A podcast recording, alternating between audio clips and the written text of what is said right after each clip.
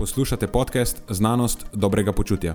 To je oddaja, v kateri odkrivamo, kako lahko znanost pomaga izboljšati vaše počutje in kako kritično razmišljanje omogoča sprejemanje dobrih odločitev na področju zdravja in fitnesa.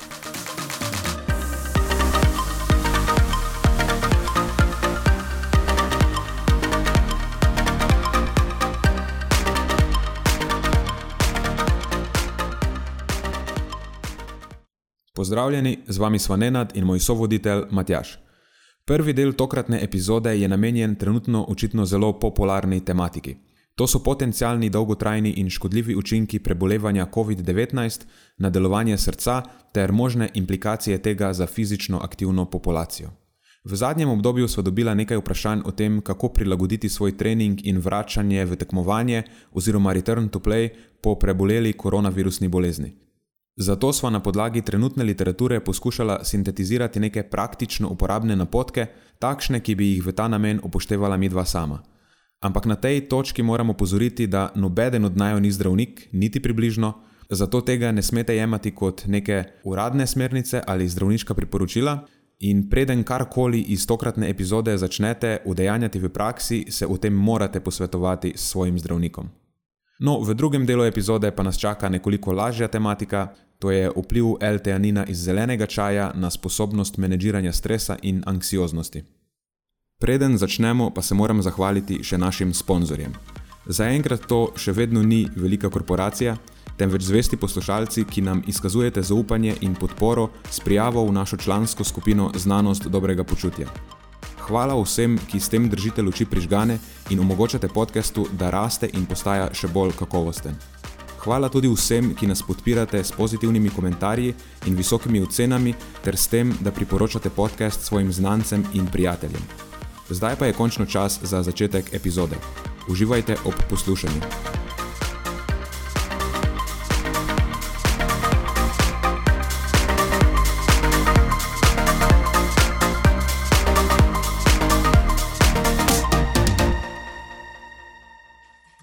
Zelena luč. Jaz pa ne bom sprašval, kako se meni sliši, ker vem, kako se meni sliši. Vse ti bomo nabavili nov mikrofon. A si zaslužen? A si... Da si ga zasluži, že se dela na tem, brez skrbi. A res, oh, wow. ne, ne vem, če, to... če, če je prav, da ti to povem. Bi... Ja, sem jih hotel reči, da sem dobil zdaj v pogled v ene stvari, ki mislim, da ne bi smel. Dejva mi dva najprej najpomembnejše stvari rešiti, preden začneva. Uh mhm, -huh. Housekeeping. Kdaj gremo trenirati ta vikend? Jutri. Razmišljal sem jutri zgodaj popoldan, da gremo v akcijo. Odlično. V redu, jaz sem za. To zdaj poslušalci so dobili v pogled na nekaj, kar jih mogoče sploh ne zanima. Ampak. Bo vsem servirala na plaži. Ja, in boš povedal, kam gremo. Uh, malo gremo, malo gremo poteč. Malo smo začeli teči. Ja? Tako, tako, da gremo malo ven iz komfort zone. Se je bilo kar zanimivo zadnjič, kako dolgo smo imeli muskel fiber. Uh, kako misliš, kako dolgo? Jaz ga imam še. A ga imaš še?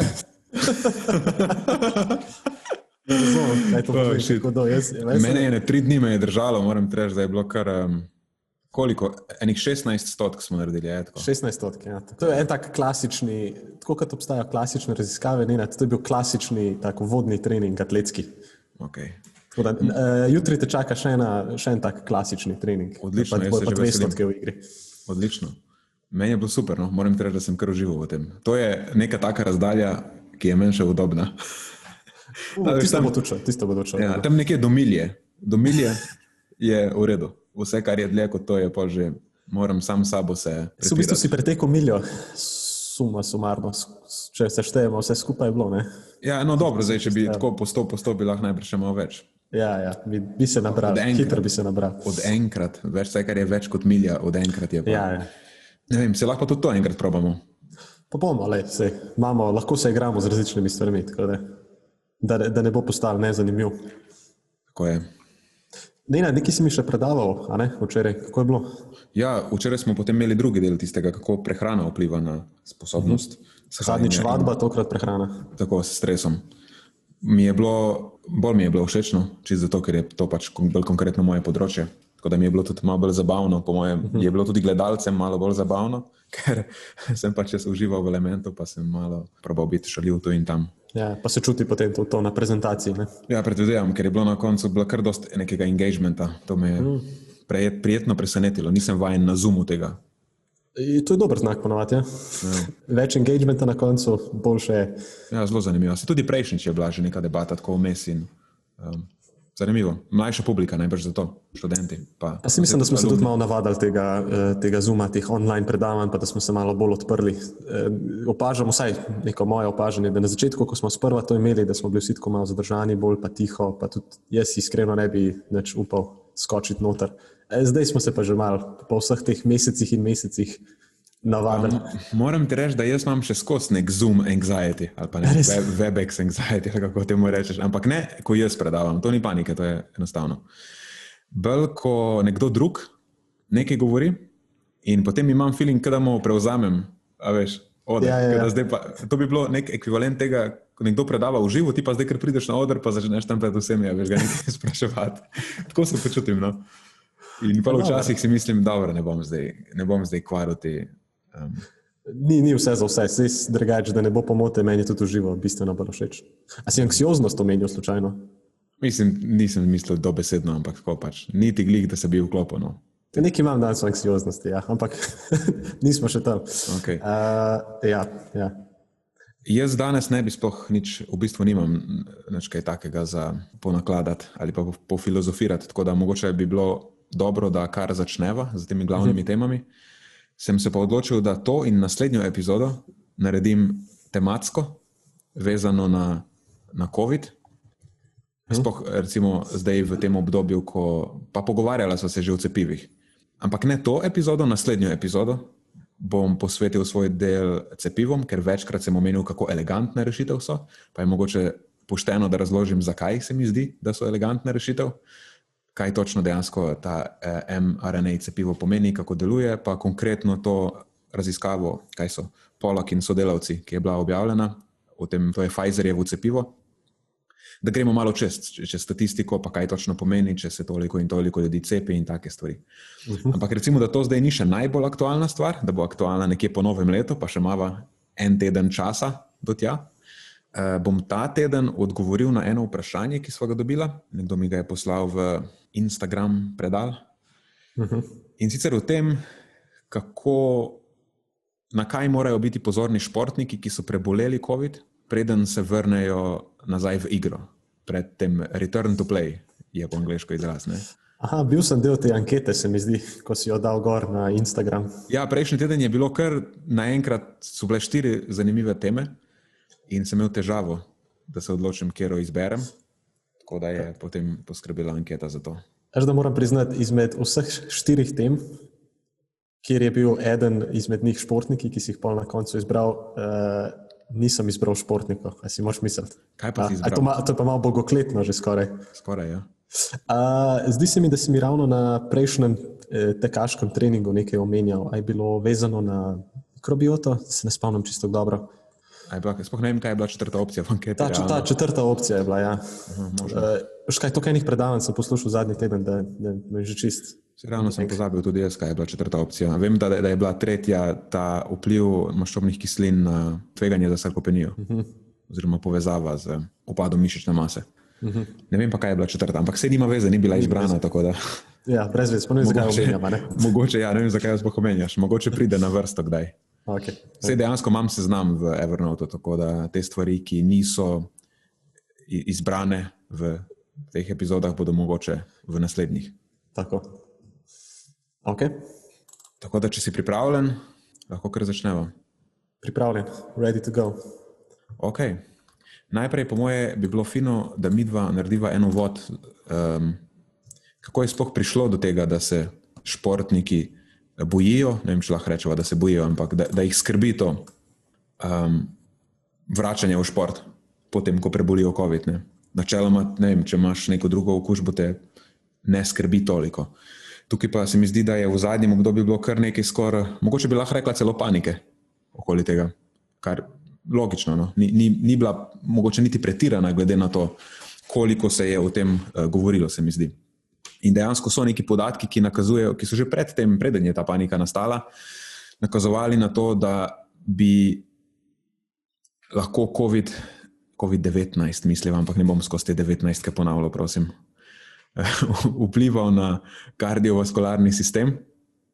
Um, vemo tudi, da so predobstoječe bolezni srca in ožilja pomemben dejavnik tveganja za nek hujši potek bolezni, in tudi, da je načeloma pri ljudeh, ki potem imajo ta hujši potek, bolj verjetno, da bodo trpeli za nekimi ustrajnimi simptomi. Uh, lahko so to kardiovaskularni, lahko so pa neki drugi. Recimo, mene osebno bolj skrbijo neki nevrološki simptomi. Ampak, no, vse težko je reči, kaj te bolj skrbi ker to, da ti odpove srce, je precej bolj direkten problem. Akutna, bolj akutna težava je. No? Zelo neidealen razplet situacije je, če se ti recimo med tekom ustavi srce. Sem slišal, da to ni najboljše. Ne, načeloma to ni najboljša stvar. Zelo neidealno je. Ne? Ja, um, bi skoraj naj izbral potem neke nevrološke težave kasneje v življenju. ja. Če že moram izbirati. Tako je. Da, ampak sam, že sam govor okoli vsega tega, kaj se ti mogoče lahko zgodi, pa kaj ne vemo, pa cela sama ta negotovost je dovolj, da, da te malo zaskrbi. No? Ampak potem, nekje sredi julija je to bilo, je bil pa objavljen prvi odmevnejši članek na temo, rečva, rečva um, temu upletenosti srčno-žilnega sistema v okužbo s COVID. In to je bilo objavljeno v JAMA Cardiology, tako da to ni kar ena revija, ampak je ta bolj resna revija eh, na tem področju. In potem so se takoj začele pojavljati neke domneve, da bi lahko COVID resneje prizadel srce in ožilje.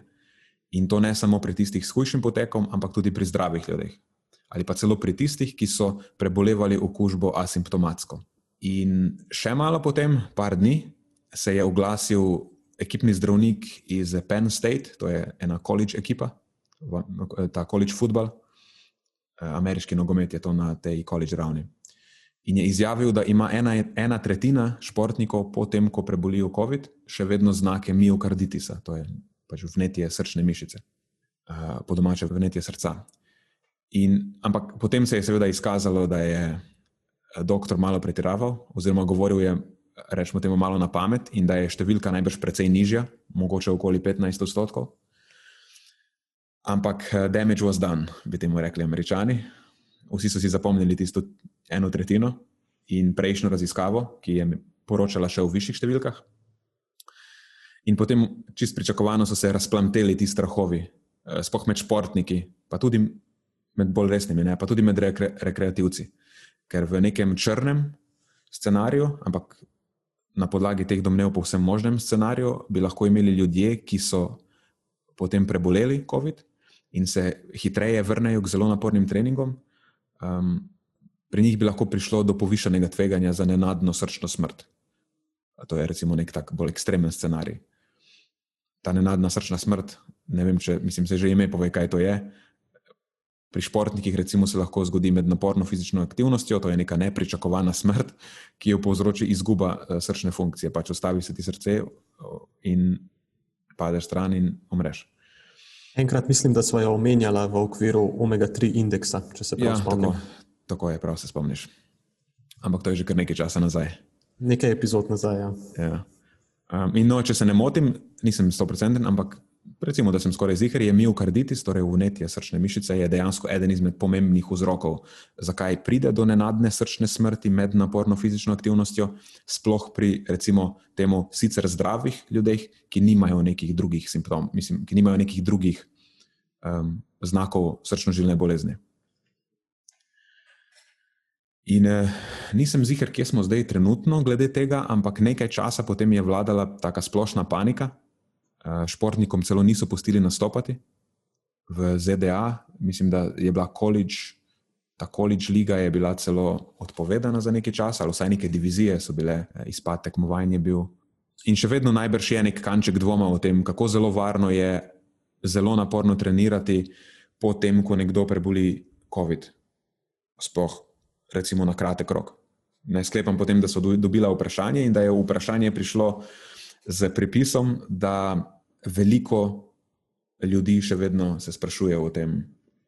Torej, še zmeraj se športniki očitno pogovarjajo med sabo in je to neka resna skrb za njih. Tako da se mi je zdelo potem primerno, da poskusiva mogoče to malo iti čez te raziskave, ki so bile bolj odmevne na tem področju, pa na koncu, čist pred kratkim, dejansko 14. decembra, to je štiri dni od zdaj, kot snemova, so bile potem objavljene tudi tako bolj konkretne smernice o tem return to play, torej vračanju v igro, isto objavljene v JAMA Cardiology. Tako da to bo pa čisto na koncu, še bom probal povzeti. Ampak mogoče najprej, če obdelam to čisto ta prvo raziskavo, eh, to je bila Puntmanova in sodelavci, eh, ki je bila objavljena takrat sredi, nekje sredi julija v JAMA Cardiology. In to je bila prospektivna opazovalna raziskava, primarno opazovali 100 pacijentov, ki so preboleli COVID. In so jih primerjali z zdravimi kontrolami in z temu so rekli risk factor matched kontrolami. Torej, to so bile kontrole, ki so imele podobne dejavnike tveganja. Um, ker teh 100 pacijentov so bili precej nezdravi pacijenti v osnovi z precej dejavniki tveganja. In kar so primerjali, predvsem rezultate magnetne resonance srca, to je ta uh, cardiac magnetic resonance, in pa ravni troponina.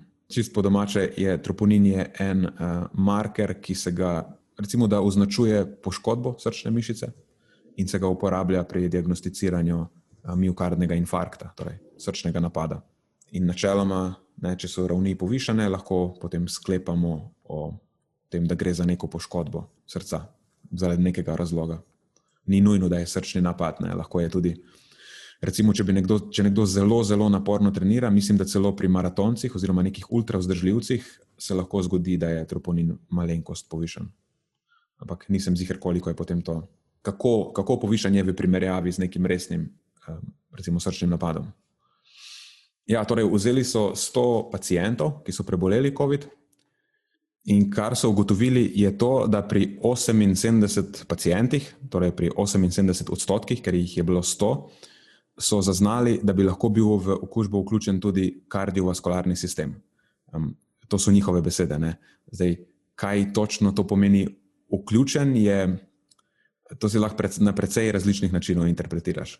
No, ampak pri 60 do 73 so o tem sklepali na podlagi eh, nenormalnih vrednosti parametrov te magnetne resonance srca. Torej, ti parametri so pri teh ljudeh dejansko eh, kazali na to, da bi lahko šlo za miokarditis. In nekako po njihovi interpretaciji, torej po interpretaciji avtorjev, je vsaj pri 60 odstotkih ljudi v tem vzorcu obstajal utemeljen sum na miokarditis, torej na unetje srčne mišice.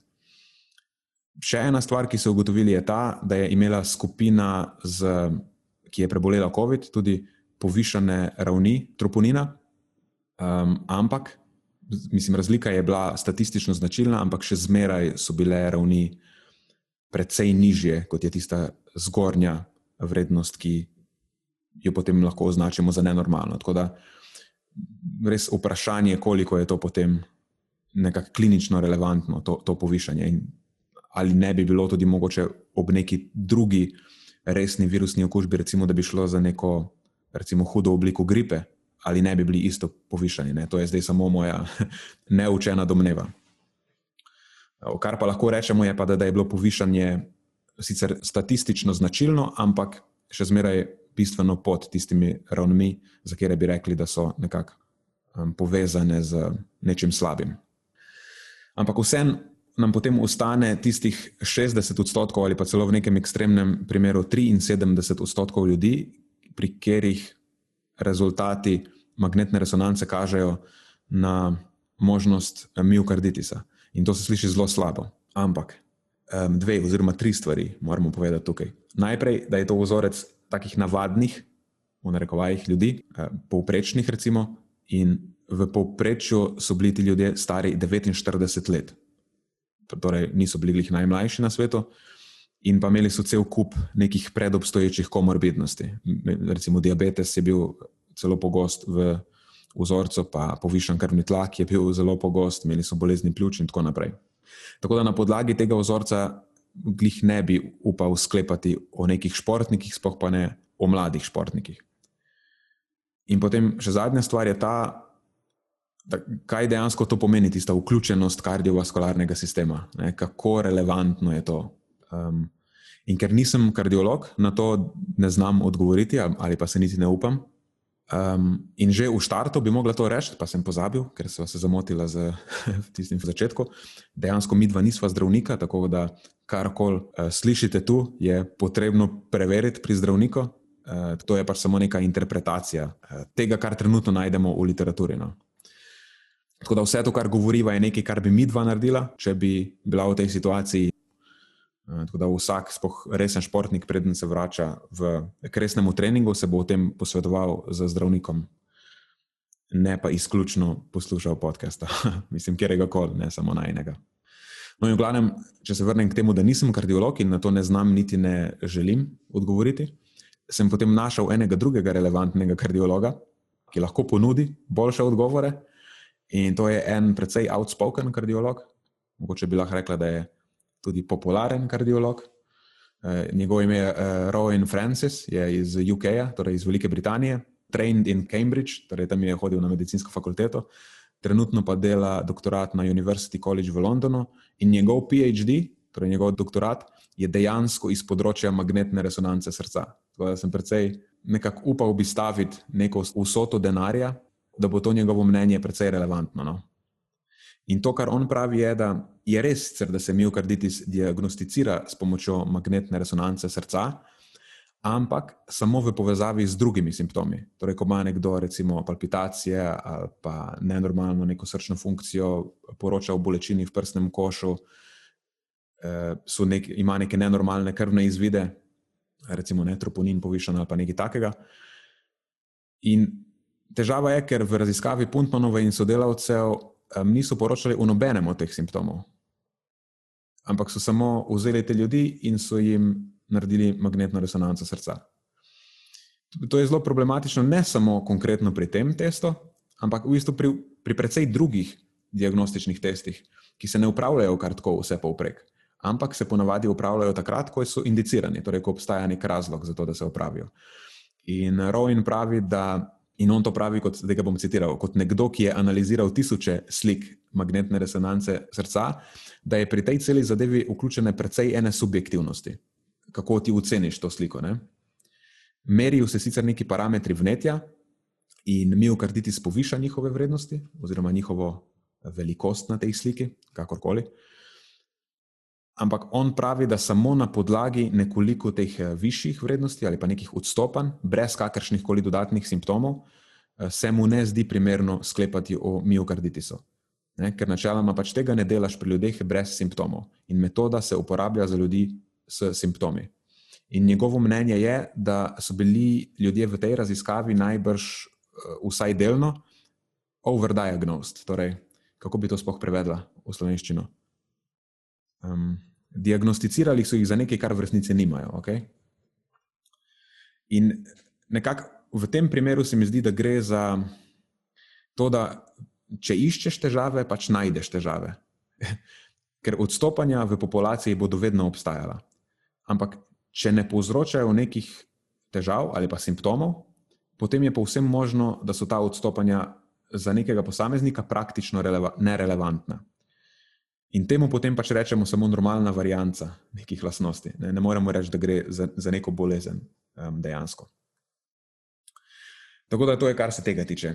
Um, sicer ta raziskava Puntmanova in sodelavcev je na začetku imela tudi par nekih statističnih napak, ki so jih pa, uh, rečemo temu, statističnih neverjetnosti, ki so jih potem sicer popravili, potem ko so na to upozorili drugi uh, komentatorji, tudi z, eh, z pismi urednikom te revije. Um, ampak še zmeraj um, je to tako. Ne? Nek objavljen članek je, ampak jaz ne bi nič kaj preveč na podlagi tega sklepal. In tudi za populacijo, konkretno na katero se navezujeva, ta stvar ni zelo relevantna. No, ampak potem je pa bila kasneje objavljena presečna raziskava s podobnimi metodami, sicer spet gre za magnetno resonanco sr srca, pri 26, ne, ampak tokrat pri 26 tekmovalnih športnikih uh, v ZDA. To so bili mlajši športniki, v povprečju stari 19,5 let, torej slabih 20 let. Iz različnih športov, uh, nogomet, oziroma soccer, kot rečejo američani, in potem ameriški nogomet, futbol, ne, pa lacrosse, pa košarka in atletika, oziroma tekači so bili samo trek, je bil brez filda. In uh, šlo je za športnike, ki med prebolevanjem COVID niso potrebovali hospitalizacije in niso potrebovali protivirusne terapije. 12 od teh jih je poročalo o blagih simptomih, to so bili neko bolečo grlo, recimo pa težko dihanje, vročina, boleče mišice, take stvari, ostali so bili pa asimptomatski. Torej, v bistvu več kot pol jih je bilo asimptomatskih. So bili pa vsi potrjeni, pač so bili diagnosticirani, z, da so okuženi z SARS-CoV-2. In eh, potem upravili so pri njih eh, elektrokardiogram in ehokardiogram, eh, in ni bilo signifikantnih sprememb pri vseh udeležencih. Pri nobenem niso zaznali niti povišanih teh serumskih ravni troponina, torej tistega markerja poškodbe srčne mišice. So pa pri štirih um, potem rezultati magnetne resonance pokazali nekaj, kar um, spominja na miokarditis. Spet, okay? In pri dveh od teh štirih so zaznali še dodatne simptome. Torej, neke stvari, ki še dodatno nakazujejo na miokarditis. Ena stvar je bila ta perikardialna efuzija, to je v bistvu um, povečana količina tekočine v prostoru med srcem in perikardijem, in pa še neke take bolj splošne simptome, kot je recimo pomankanje sape. Ne, tako da, recimo pri teh dveh, oziroma štirih, potem je večja verjetnost, da dejansko gre za miokarditis. No, pri, še pri osmih pa so napisali, da obstaja sum za miokarditis oziroma pretekli miokarditis, ampak takrat več niso kazali nobenih drugih simptomov. Ne. Torej, videli so neke spremembe na magnetni resonanci, ampak dejansko ni bilo nobenih drugih um, več simptomov. Dočim pri tistih prejšnjih štirih um, so bili še, še zaznani drugi simptomi. In potem pri dveh od teh štirih, pri dveh je, bil še, je bila še prisotna perikardialna efuzija, in pri dveh neki drugi splošni simptomi. Če komu mogoče te številke, sem pretirano zapletel. torej, štiri od 26 je številka, ki je relevantna. Pri teh štirih bi dejansko lahko šlo za neko resnejšo stvar. Um, pri osmih, pa mogoče, če pogledamo skozi prste, ne bi lahko rekli, da eh, so v preteklosti mogoče imeli neko blažjo obliko, oziroma ja, da so imeli pač miokarditis v preteklosti. Ampak, en velik ampak na tej točki je, da to je presečna raziskava brez kontrolne skupine na športnikih. In tekmovalni športniki imajo lahko v primerjavi eh, s povprečjem neke splošne populacije spremembe na srcu, oziroma spremembe v funkciji srca, ki niso posledica njihovega prebolevanja COVID, ampak so posledica tega, da so tekmovalni športniki. Pač imajo drugačno srce, zato ker imajo športno srce, po domače povedano. Tako da spet eh, zelo vprašanje, ne, kaj lahko dejansko, koliko si, lahko, koliko si upamo ekstrapolirati na podlagi teh rezultatov. Ok, zdaj pa na srečo imamo objavljen še ta eh, zadnji, tretji članek, ki je nekakšen pregled, ki vključuje tudi v bistvu podatke teh dveh člankov, ki smo jih zdaj omenjali, in proba sintetizirati neka priporočila, mm, spoh usredotoča se na zdravje srca in užilja, in proba sintetizirati neka priporočila o tem, kako, kakšno je tveganje in na kakšen način se lahko to tveganje minimizira, medtem ko se športniki vračajo v tekmovanje, torej med return to play.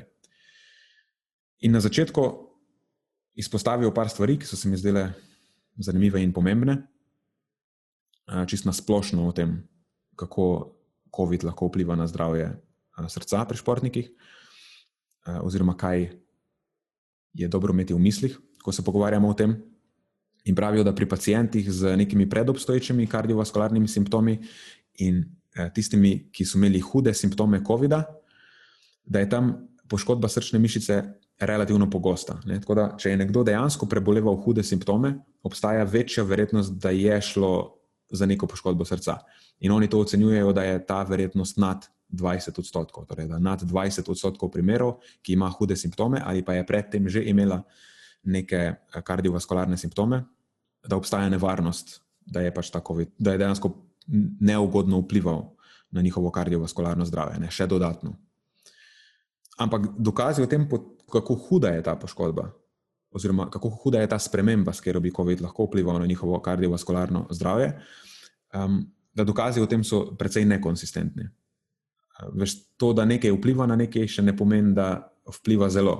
Lahko samo ne, statistično značilno nekaj spremeni, ampak je precej nerelevantno v velike slike. In spoh za asimptomatske in blage primere je pa potem še dejansko nejasno, kako COVID vpliva na srce. In večina športnikov spada v to kategorijo. Ker večina športnikov preboli COVID z blagimi simptomi ali pa asimptomatsko. In pri večini od njih tudi ni nekih dokazov o relevantni srčni patologiji. In aha, še to pravijo, ker smo se glih toliko pogovarjali o magnetni resonanci srca, da trenutni dokazi sploh ne podpirajo uporabe magnetne resonance srca za vse športnike, kar povprek. Če kažejo simptome miokarditisa, oziroma ne, je neka druga indikacija, potem ja, če tega ni, potem ne.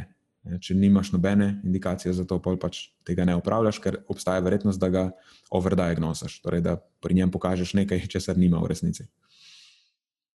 No, in potem so izpostavili tudi neke kriterije za vračanje v šport.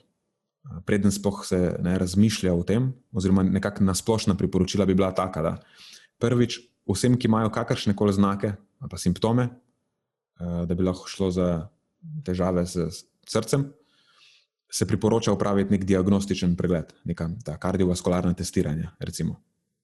In potem podana so tudi konkretna poročila, kaj je fino opraviti, ampak na tej točki tega nima smisla naštevati, ker eh, če obstaja eh, sam sum na neko težavo, potem mora športnik k zdravniku. Ne, ne bova mi dva zdaj tukaj na podkastu razlagala, kere teste mora opraviti.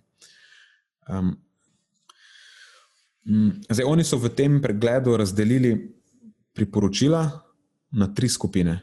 Na sred, to je high school athletes, to so torej športniki, ki so srednji šolci, recimo, na Masters Athletes, pa Recreational Athletes, to so neki starejši ljudje, pa rekreativci, in pa na Competitive Athletes, to so pa pač tekmovalni športniki. In zdaj, tak algori algoritem so sestavili. Rekli smo, return to play, return to play algoritem. Tak je zelo tehničen, je, no, pa zelo zapleten je. Imáš, veš, tisto če to, potem to, če je to ja, potem to, če je ne, potem tisto. Veš, mislim, res je eh, precej zapletena slika. Um, in to je nekaj, po čemer se pač ravnajo zdravniki, ki delajo s športniki. E, to ni nekaj, kar bi bilo zelo praktično ali pa uporabno športnikom.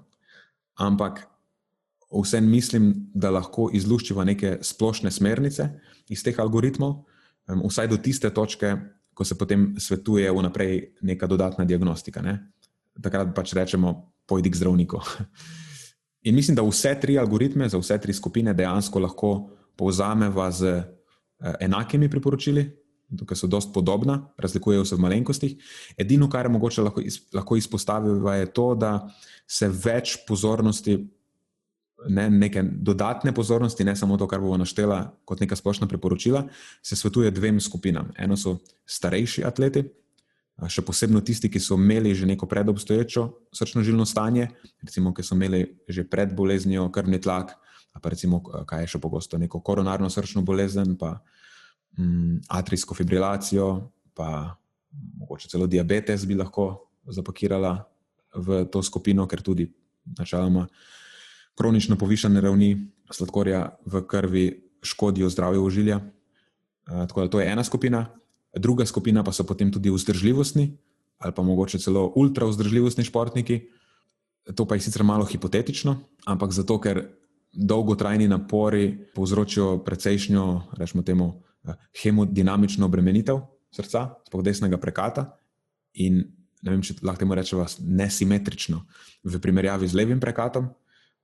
Po domače povedano se malo spremeni fiziologija in ta je potem povezana z eh, določenimi strukturnimi spremembami na srcu, ki bi lahko bile v tem kontekstu pomembne, ne vemo pa, če so. Tako da to je pač nek, neko dodatno, svetuje se dodatna pozornost pač vzdržljivostim športnikom ne, v, v tem kontekstu. Um, ok, zdaj pa, če gremo na ta return to play algoritem, je razdeljen v, v štiri skupine in bomo to probali narediti čim bolj praktično. Prva skupina so tisti, ki so imeli asimptomatsko okužbo. Njim se enostavno svetuje, da so brez treninga deset dni od pozitivnega testa In potem se lahko že počasi vračajo v igro, ampak naj postopno zvišujejo intenzivnost. In to zadevo načeloma pač vodi trener, ki je tudi izobražen v tej zadevi. In če se medtem pojavijo kakršne koli dodatni simptomi, potem se jih napoti na neko klinično evalvacijo, pač takrat grejo, grejo k zdravniku, če pa ne, pa se intenzivnost stopnjuje, dokler se ne vrnejo v igro. Ampak že na začetku se lahko vrnejo v igro. Ne, ne rabijo prej začeti trenirati, ampak pač vrnejo se v igro, ampak postopoma zvišujejo intenzivnost. Ne greš tako pod, pod, pod predpostavko, da, da vejo, da so asimptomatsko okuženi. Ja, ja seveda, pod to predpostavko. Pomeni, da so upravili, ja, da so upravili test. Um, in tako da to je pre, precej straightforward, ne, kar se tiče asimptomatskih okužb. Um, nobene posebne komplikacije. Malo zadržanosti, ampak to je to. Potem imamo tiste z blagimi simptomi, to je druga skupina. E, njim se svetuje, da so brez treninga od pojava prvih simptomov. In dodatni kriterij je, da pred začetkom treningov morajo simptomi izginiti. Zdaj, če so dlje kot deset dni, trajajo, ne, od pojava pa pač to traja dlje, ne samo deset dni. Ampak recimo, da simptomi trajajo pet dni, še zmeraj potem pet dni se jim svetuje, da počivajo. In načeloma neko dodatno kardiovaskularno testiranje ni potrebno, razen v individualnih primerih, ko je z nečim indicirano, ne, recimo, da so, se pojavijo neki blagi simptomi. Ne, če pa ni simptomov, potem pa lahko spet že takoj se začnejo vračati v igro, uh, spet s postopnim zviševanjem intenzivnosti, ne greš jih takoj v prvo tekmo, kada si v najboljši formi v življenju. Mm, Kar se in... običajno zgodi ja. v praksi. ja. uh, no, ampak potem, ko pač dvigneš intenzivnost do neke točke, potem pač se normalno ja, tekmuješ spet na najvišjem nivoju. Upam, da se po tej simptome ne šteje tudi eh, izguba eh, vonja in okusa in teh stvari, ker mislim, da se lahko vrnejo šele po večjih in večjih tednih. To pa mislim, da bi znal biti kar. Ja, vidiš, zelo, to... zelo prepočasen prehod nazaj. Ne, nikjer ni bilo omenjeno to kot simptomi, ampak se smatrajo predvsem neki simptomi, ki so znaki eh, delovanja srca in ožilja, pa pljuč. Se mi zdi, da je bilo to bolj izpostavljeno. Ja. Ja. Uh, kje so ostale? Aha, zmerni simptomi so pol tretja skupina. To so zmerni simptomi brez hospitalizacije. Torej, ljudje, ki so imeli mogoče malo, bolj resen potek bolezni, ampak niso rabili eh, biti hospitalizirani med tem. No, njim se svetuje, da vsaj deset dni od tega, ko simptomi že izginejo, ne trenirajo. Torej, še malo več počitka za njih. In potem po teh desetih dneh se svetuje evalvacija pri kardiologu in vse tiste klasične stvari, ki so jih prej, prej naštela, ne, EKG, troponin itd., se upravi. Zdaj, če so testi nenormalni, potem pač sledijo nadaljna testiranja, to je stvar kardiologa, on potem tudi naprej se odloči, kako bo ta športnik treniral, kako ne bo, kaj se mu svetuje. Če je pa vse ok, potem pa spet lahko se že začne vračati v igro, postopno zvišuje intenzivnost, ne, dokler ne pride do tiste točke, kjer spet lahko tekmuje na, najvišjem, na najvišji ravni. No, in potem četrta skupina so pa neki hudi simptomi, ali pa vsi, ki so potrebovali hospitalizacijo, ne, tudi recimo zmerni simptomi, ki so morali iti po kisik, recimo v bolnišnico. E, njim se pa že v štartu, že predtem, spoh se začne razmišljati o kakršnem koli vračanju k naporni fizični aktivnosti, se jim svetuje evalvacija pri kardiologu, torej vse te stvari, spet EKG, troponin in tako naprej. In spet, če stvari niso dobre, če so rezultati nenormalni, um, sledijo nadaljna testiranja in ne, spet stvar nadzoruje kardiolog. Uh, če pa je vse ok, potem pa se jim reče, da lahko začnejo trenirati nekje dva tedna potem, ko so simptomi izginili. Torej, potem, ko več nimajo nobenih uh, simptomov, še 14 dni počitka. In preden dejansko potem začnejo s treningom, se jim še enkrat svetuje evalvacija uh, pri zdravniku. Zdaj, to ne rabi biti neka huda, neki hudi kardiovaskularni testi, ampak pač se oglasi pri osebnem zdravniku, ga vpraša, to pa to smo opravili, testi so bili normalni. Um, čistko, da je ne, za vsak slučaj. 14 dni je poteklo od zadnjih simptomov, in itd. In potem se jih ne da takoj v tekmo, ker obstaja nevarnost, da ne bodo dosledno upoštevali navodil, da ne smejo pač takoj, se, takoj povišati intenzivnosti na tisto raven, na katero so bili vajeni, pred, predtem so zboleli. E, tako da najprej se jim zvišuje intenzivnost na treningu, Um, idealno tudi pri tem sodeluje neka usposobljena oseba, recimo tudi zdravnik. To je zdaj res tak idealen scenarij, ne, kjer ima športnik enega zdravnika, ki nadzoruje tudi njegov trening. Um, za nekega rekreativca to najbrž ni realno. In potem se jih počasi tudi začne vračati v igro, ki je tudi postopna. Tako da v primeru res nekih hudih simptomov, pa hospitalizacije, je ta zadeva malo bolj, um, zahteva malo več resnosti in zadržanosti.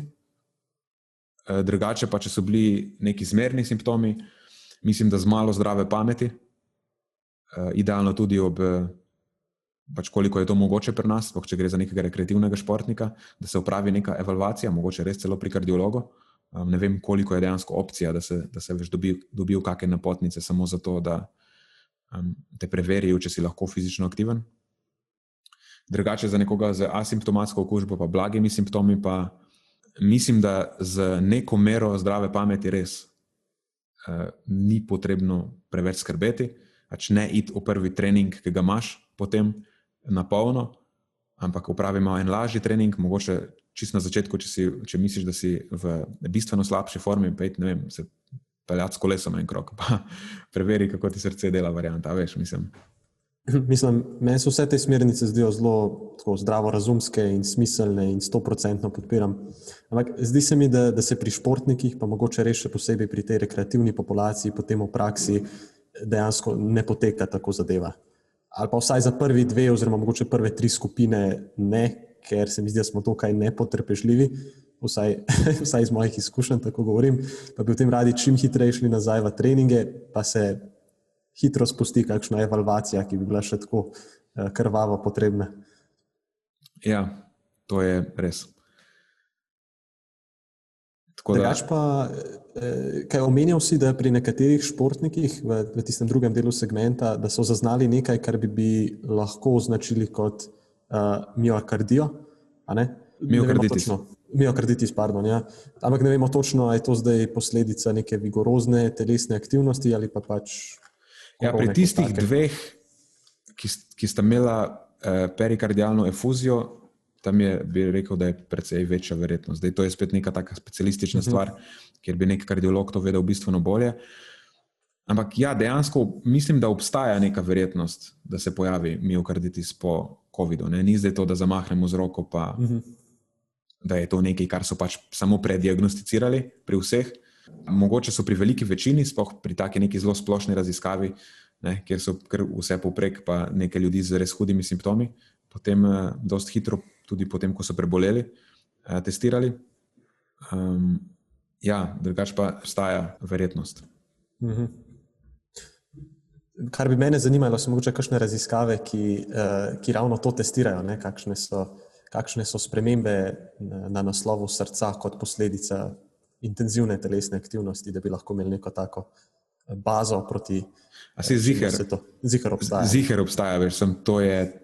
To je neko tako nišno področje, ker mm mogoče nekdo, ki se s tem ukvarja, bi vedel, jaz pa dejansko nisem imel časa. Ne, ne, sploh ne, sploh ni bilo tako mišljeno. Samo, uh, ja, zelo zanimivo področje, pa zelo zanimiva tema si odprl, potem pa uh, bezlajo Eh, razmišljanja tu pa tam. Ja, tako da še enkrat, ne čist na koncu. Lej, mi, jaz sem prebral par člankov, ne, mi dva nisva kardiologa. To, je, to so neke smernice na podlagi tako zelo, mogoče lahko tudi rečemo, precej površnega pregleda literature. No. Um, ampak se mi vseeno zdi, da drugače niti tako površnega pregleda ne moreš dobiti. Ne. Se mi zdi, da je vse boljše kot nič. ja, ja, seveda, definitivno. Tako da to je to, no, kar se tiče tega. Ok, odlična tema. Odlična tema. Zdaj, pa, zdaj pa lahko odprem tisto, kar sem na začetku malo uh, namignil o anksioznosti. Uh, in sicer uh, moja glavna tema današnja pa se ukvarja z vplivom L-teanina na menedžiranje stresa in anksioznosti. Tako da L-teanin, mogoče za začetek, kaj sploh je to? To je ena aminokislina, ki jo primarno najdemo v čajovcu. In tudi prispeva k tej posebni aromi, ki jo daje zeleni čaj. In L-teanin je bil preučevan že zelo obširno na živalskih modelih, pa tudi nekaj na ljudeh, vse od svojega odkritja leta 1949 in to na različnih naslovih, kot so recimo vpliv na krvni sladkor, na kognicijo, na spanje in tako dalje. Ampak Današnja tema in pa meta-analiza Williamsa in sodelavcev pa se je fokusirala primarno na ta vpliv na menedžiranje stresa in anksioznosti, kot sem omenil na začetku, ki mislim, da sta v tem današnjem času tako še posebej aktualna, če se lahko tako izrazim. Mislim, da vedno iščemo neke take tehnike manipuliranja s tem, oziroma za lažje menedžiranje tega. Um, in seveda, prav je, ne, zato ker tudi pretirano subjektivno doživljanje stresa je povezano s številnimi zdravstvenimi težavami, in posledično se potem pač išče rešitve, kako bi lahko ta stres uh, znižali. In eno izmed takih področji raziskovanja je ravno uh, L-teanin, oziroma kar zeleni čaj kot celota. Uh, no, konkretno gre se za metoanalizo, ki je vključevala devet raziskav, narejenih na ljudeh. Eh, in skupaj zajema preko 270 sicer zdravih posameznikov, ki pa so poročali o eh, malo povišenih simptomih anksioznosti in pa pretiranega subjektivnega doživljanja stresa. Eh, vse te raziskave znotraj metaanalize so bile randomizirane, s placebom kontrolirane, osem izmed devetih je bilo dvojno slepih, ena pa je nojno slepa. Tako da načeloma kar dobri, tesni dizajni študij, če se lahko tako izrazim. Um, so bile pa raziskave, kar se tiče samega protokola jemanja L-teanina, mešane. Uh, nekatere so izbirale akutne doze, druge pa kroničen vnos L-teanina, vse od sedem dni pa tja do desetih tednov.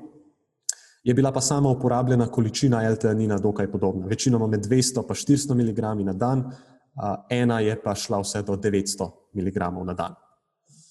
No, in Ključne ugotovitve te raziskave, te metaanalize, so bile, da prvo kot prvo uživanje 200 do 400 mg L-teanina dnevno je bilo povezano z redukcijo stresa in anksioznosti, in to dokaj dosledno pri vseh raziskavah, ki so bile vključene v metaanalizo. Pomembno je povdariti, da je bil ta učinek L-teanina, da je deloval pomirjajoče, ampak sočasno pa ne utrujajoče, To mislim, da je pomembno povdariti, zato ker nekatere druge substance sicer delujejo pomirjajoče, ampak sočasno tudi uh, uspavajoče na nek način, kar v določenih scenarijih ni ravno najbolj zaželeno. Recimo, če smo vem, v službi, pa želimo ostati fokusirani, ampak smo pred, pod nekim večjim bremenom dela, ali pa uh, recimo za kakšne športnike v nekaterih specifičnih situacijah, in tako dalje. Uh, v tem kontekstu je L-teanin imel pozitivne učinke na določene fiziološke eh, biomarkerje stresa, recimo ta SAA, to je aktivnost alfa-amilaze v slini, ki je eh, pokazatelj eh, vzburjenosti, ne vem, če to pravi izraz, pa mogoče bolje rečeno, aktivnosti avtonomnega žučnega sistema. Um, potem še en potencijalen mehanizem, ki so ga omenjali avtori, je bil vpliv L-teanina na glutamat, ki je sicer tako izjemno pomemben neurotransmitter v možganjih sesalcev na splošno, pa še nekatere druge stvari so omenjali, ampak mislim, da sta primarno sta bili nekako ti dve ključni točki, ključna potencijalna mehanizma delovanja. Druga stvar, druga pomembna stvar je bila ta, da negativnih stranskih učinkov ni bilo zaznati, tudi pri kroničnem jemanju ne, torej najdaljša raziskava, deset tednov smo rekli, ampak Imamo seveda premalo podatkov, da bi lahko karkoli z gotovostjo trdili, lahko pa predvidevamo ta trenutek, da nekih eh, dolgoročnih negativnih učinkov jemanja eh, L-teanina, vsaj pri teh količinah, najbrž ni. Um, potem naslednja zanimiva ugotovitev je ta, da uh, ima L-teanin najbolj izrazit učinek takrat, ko se ga jemlje skupaj s kofeinom. Pri katerem zmanjša dvig krvnega pritiska, povezanega s kofeinom, pa tudi zmanjša pojavnost kakšnih teh negativnih stranskih učinkov jemanja kofeina, recimo e, tresavica in podobne stvari. Um, potem naslednja, eno tako zanimivo področje znotraj L-teanina je to, uh, da ne vemo, kaj je zdaj bolje, je akutni učinek nekako ekvivalenten kroničnemu, ali morda obstaja neko obdobje adaptacije na L-teanin, spet pač neka stvar bodočih raziskav. Ampak eh, znotraj te metaanalize lahko potegnemo, da nekako in akutni in kronični učinek je imel nek, nek podoben efekt na sam stres in anksioznost.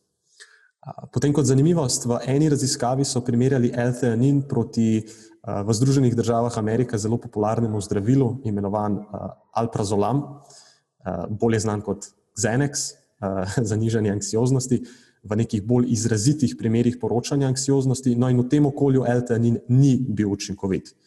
In ko so naredili primerjavo z nekaterimi drugimi raziskavami na tem področju, nekako prihajamo do nekega zaključka, da je L-teanin bolje učinkovit pri tistih, ki poročajo o manjšem stresu, ne prevelikem stresu, in da mogoče obstaja ne vem, neka, neka vrsta meja intenzivnosti, kjer bi L-teanin dejansko še bil koristen. Torej, mogoče je bolj učinkovit v primeru manjšega stresa, ki ga večina doživlja vsakodnevno, ne pa tudi v teh bolj kliničnih.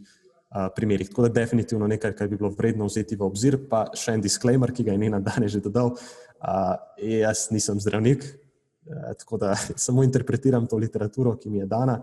Ampak zagotovo pa se ne bi v kliničnih primerih želel obešati zgolj na LTN, ampak na kakšne malo bolj resne, resna zdravila. Ne. Potem še ena zanimiva stvar. LTN ima morda tudi pozitiven učinek na pozornost in pa reakcijski čas pri tistih, ki poročajo o anksioznosti in povišenem stresu, in ne samo na uh, nižanje stresa in anksioznosti. Uh, imamo pa spet premalo raziskav, da bi lahko delali neke konkretne zaključke. Uh, to so samo poročali raziskovalci. Tako da to so bili, po mojem, neki glavni izsledki same raziskave. Morda sem kaj po nesreči izpustil, ampak če potegnemo črto, lahko rečemo, da ima L-teanin do določene mere v teh ne tako izrazitih primerih pozitiven vpliv na redukcijo stresa in, in anksioznosti pri posameznikih, ki se znajdejo v nekih situacijah akutno povišenega stresa ali pa so morda nekako sami nagnjeni k temu, da se počutijo subjektivno gledano malo bolj pod stresom. Um, pa mogoče bi bilo še to smiselno odpreti to temo, torej, a potrebujemo res prehransko dopolnilo za L-teanin ali bi lahko stvar dobili iz zelenega čaja. Zdaj, ti raziskovalci poročajo o tem, da L-teanin, vsebnost L-teanina, eh, dokaj varira od, eh, od tega, pač katero vrsto zelenega čaja uporabljamo, oziroma tistega, ki ga kupimo na tržišču. Ampak načeloma najdemo tam nekje 150 do 200 mg L-teanina v 4 do 8 eh, čajnih skodelicah zelenega čaja. Tako da ni nemogoče, Ne?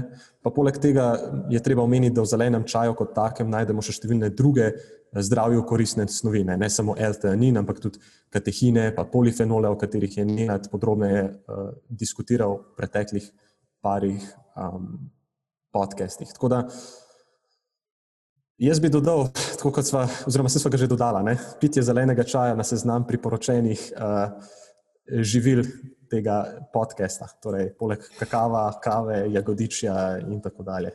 Kaj praviš, Nenad? Ja, definitivno mislim, da po vsem tem si zeleni čaj, oziroma si tudi črni čaj. Tudi beli čaj. čaj ja. Oziroma te, vse te razne sorte pravega čaja. Uh -huh. Si zaslužijo biti dodane na seznam. na seznam, ja. Kognitivnih um, enhancerjev. Kognitivnih enhancers, tako je. Lih razmišljam, da imam še eno celo neodprto embalažo te Anina v, v predalu.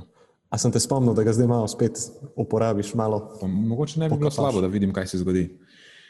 Nameraval sem ga, kupil sem ga takrat, ko sem nabavil tisti kofein. Uh mhm, -huh, v prahu. Ja, ampak kofein sem uporabljal, teanina pa nisem, nikoli. Je pa priporočilo neko, da je 2 proti 1, se ga uporabi. Ne? Da se, ja, točno, da se, to, da se oduzame ta edge kofeinu. Za mogoče neke aktivnosti, ki niso tako zelo fizične, um, kot neki miselni napori, recimo, da se potem pridobi dobre strani kofeina, pa se nekako proba zavreti slabe strani kofeina v, v teh situacijah. Ne. Ko recimo moraš sedeti pri miru, ti glih ni v interesu, da si tako zelo na trnih. Um, ja, mislim, jaz, jaz moram reči, da, da je to tudi nekaj, kar koristimo kdaj pri, pri športnikih v okviru tega coachinga. Eh, sploh nekaterih, ki povzročajo o malo bolj teh izrazitih uh, negativnih učinkih kofeina, ne, ki so morda mm. malo bolj dovzetni za to. Uh, tako da, tako že čist praktično gledano, samo iz nekih, uh, iz nekih lastnih izkušenj, pa tudi na sebi to opažam, da se kar v redu v bistvu obnese, vsaj v tem scenariju. Ne moram pa nič poročati o, anksioznosti in pa stresu, tle pa, tle pa ne vem. Zdaj razmišljam, da za jutri bom vseeno ostal samo na kofeinu. Enkrat bom probal v neki drugi situaciji vzeti tudi tenin, da vidim, kaj se zgodi. Pa da res, en tak eksperiment. Ja, ampak čisto tako anegdotalno, recimo, za stvari, kot so neka predavanja ali kaj takega, ker rabiš malo te dodatne, recimo, verbalne fluidnosti, ali kako, kako bi temu rekel. Ne, mhm. ni fajn, glih, da si preveč na trnih. No? Moraš biti bit pripravljen, pa zelo um, prižgan, kako bi temu rekel. Mhm. Ne? Moraš imeti neko, neko stopnjo aktiviranosti, ampak ne smeš biti preveč uh, raztresen. Opazim, da se mi za te stvari predvsej bolj obnesejo neki ti čaj, če spijem to. Ampak to je tako zelo anekdotalno, veš, kako je lahko čist placebo. Ne, vse, to, se, to se zdaj malo pogovarjava to, o tem, kar, kar mi dva opažava. Najslabšo, najslabša izkušnja je bila enkrat, ko sem po nesreči pred enim predavanjem predoziral kofein. To je bila moja najslabša izkušnja uh -huh. s predavanjem, uh -huh. kadarkoli. Tako da zihar ni več, je boljše variante. Ne, ne definitivno. Ne. No, ampak čist, čisto identično kot to, kar si zdaj omenjal za kakšne eh, izpite in podobno. Podobno pa jaz opažam pri nekaterih športnikih, ko imajo tekmovanja, ker takrat so že tako ali tako malo bolj um, napeti. Mm. Tem, tiste količine kofeina, ki jim sicer nekako ne delajo, morda težav v normalnih okoliščinah, uh, so pa zdaj lahko problematične. In potem pri nekaterih vsaj se ta tehnika bolje obnese. Mogoče malo manj kofeina, pa dodatek L-teanina, uh, spet, a ne doktalno, čisto ne. Cool. To je to, ne, da smo prišli do finiša. To je to za danes. Ja? Odlično. Spet smo neko urco, se mi zdi, sestavila. Super, pridne. Zdaj pa eh, regeneracija do jutrišnjega treninga. Ma jaz sem v redu, jaz ne vem, o čem ti govoriš. Jaz sem imel tri dni, sem imel malo težave hoditi, in po je bilo pa v redu. To je neverjetno. Pa ti si v največjem deficitu. ja, trenutno sem eh, malo v deficitu. Ja. Mislim, da sem od začetka do zdaj izgubil nekaj 10 odstotkov telesne mase. A pa še več, po mojem. To v parih tednih. Jo, jo, jo. Ja. Kako sem Mara. se odrezal, kako sem se odrezal na sprintih, glede na vse? Ej, ej full dobro, res, presenetil si me. Uh, nič, nobenega pritoževanja, nobenega sopihanja, skozi mi bil v boku, tako da jaz moram malo dvigati svoj, svoj gej, kar pravijo. Se bom nahranil enkrat v prihodnosti hidrata, da pa vidimo. Jaz bom kar dan začel, ker, vidim, ker že, že vidim, kaj se bo dogajalo. Unih za unih 200 jutri tudi jaz nisem mogel prepričati, kaj se bo zgodilo. Ej, se prese... to, je, to je čar tega. Ne? To je čar tega. Ker veš, 100, še nekako razumem, kako lahko z praznjenimi zalogami glikogena zdržiš, ampak 200 je pa pa že hodimo po robu. 200-odstotno povišanje volumna. Ne, ne, se bo, bo. bo, bo. A, a bomo tudi naredili 16? Ne, ne, ne, ne bo, ne bo, ne bo. Brez skrbi, brez skrbi. Jaz ne bom zdržal roke na srce. Je pa res, da prejšnjo soboto, ko sem prišel domov in sem se malo tako, veš, kaj se ti, ko prideš malo k sebi, si rekel, o, to, bo pa, to bodo pa zdaj zanimivih, zanimivih par dni me čaka. Tako če se to odblija, ne? Ko mi ustaneš, ja, in se to odblija. Ok, ok, no super, se že veselim jutri. Za, za danes pa tudi hvala, še en super ja. segment. Zdaj vem, eh, nova praktična priporočila za športnike ja. Eh, v tem obdobju zelo aktualna. Eh, poslušalcem pa kot vedno. Hvala lepa in se slišimo naslednjič. Tako je, hvala tudi tebi, Matjaš, in hvala poslušalcem in se slišimo prihodnjič.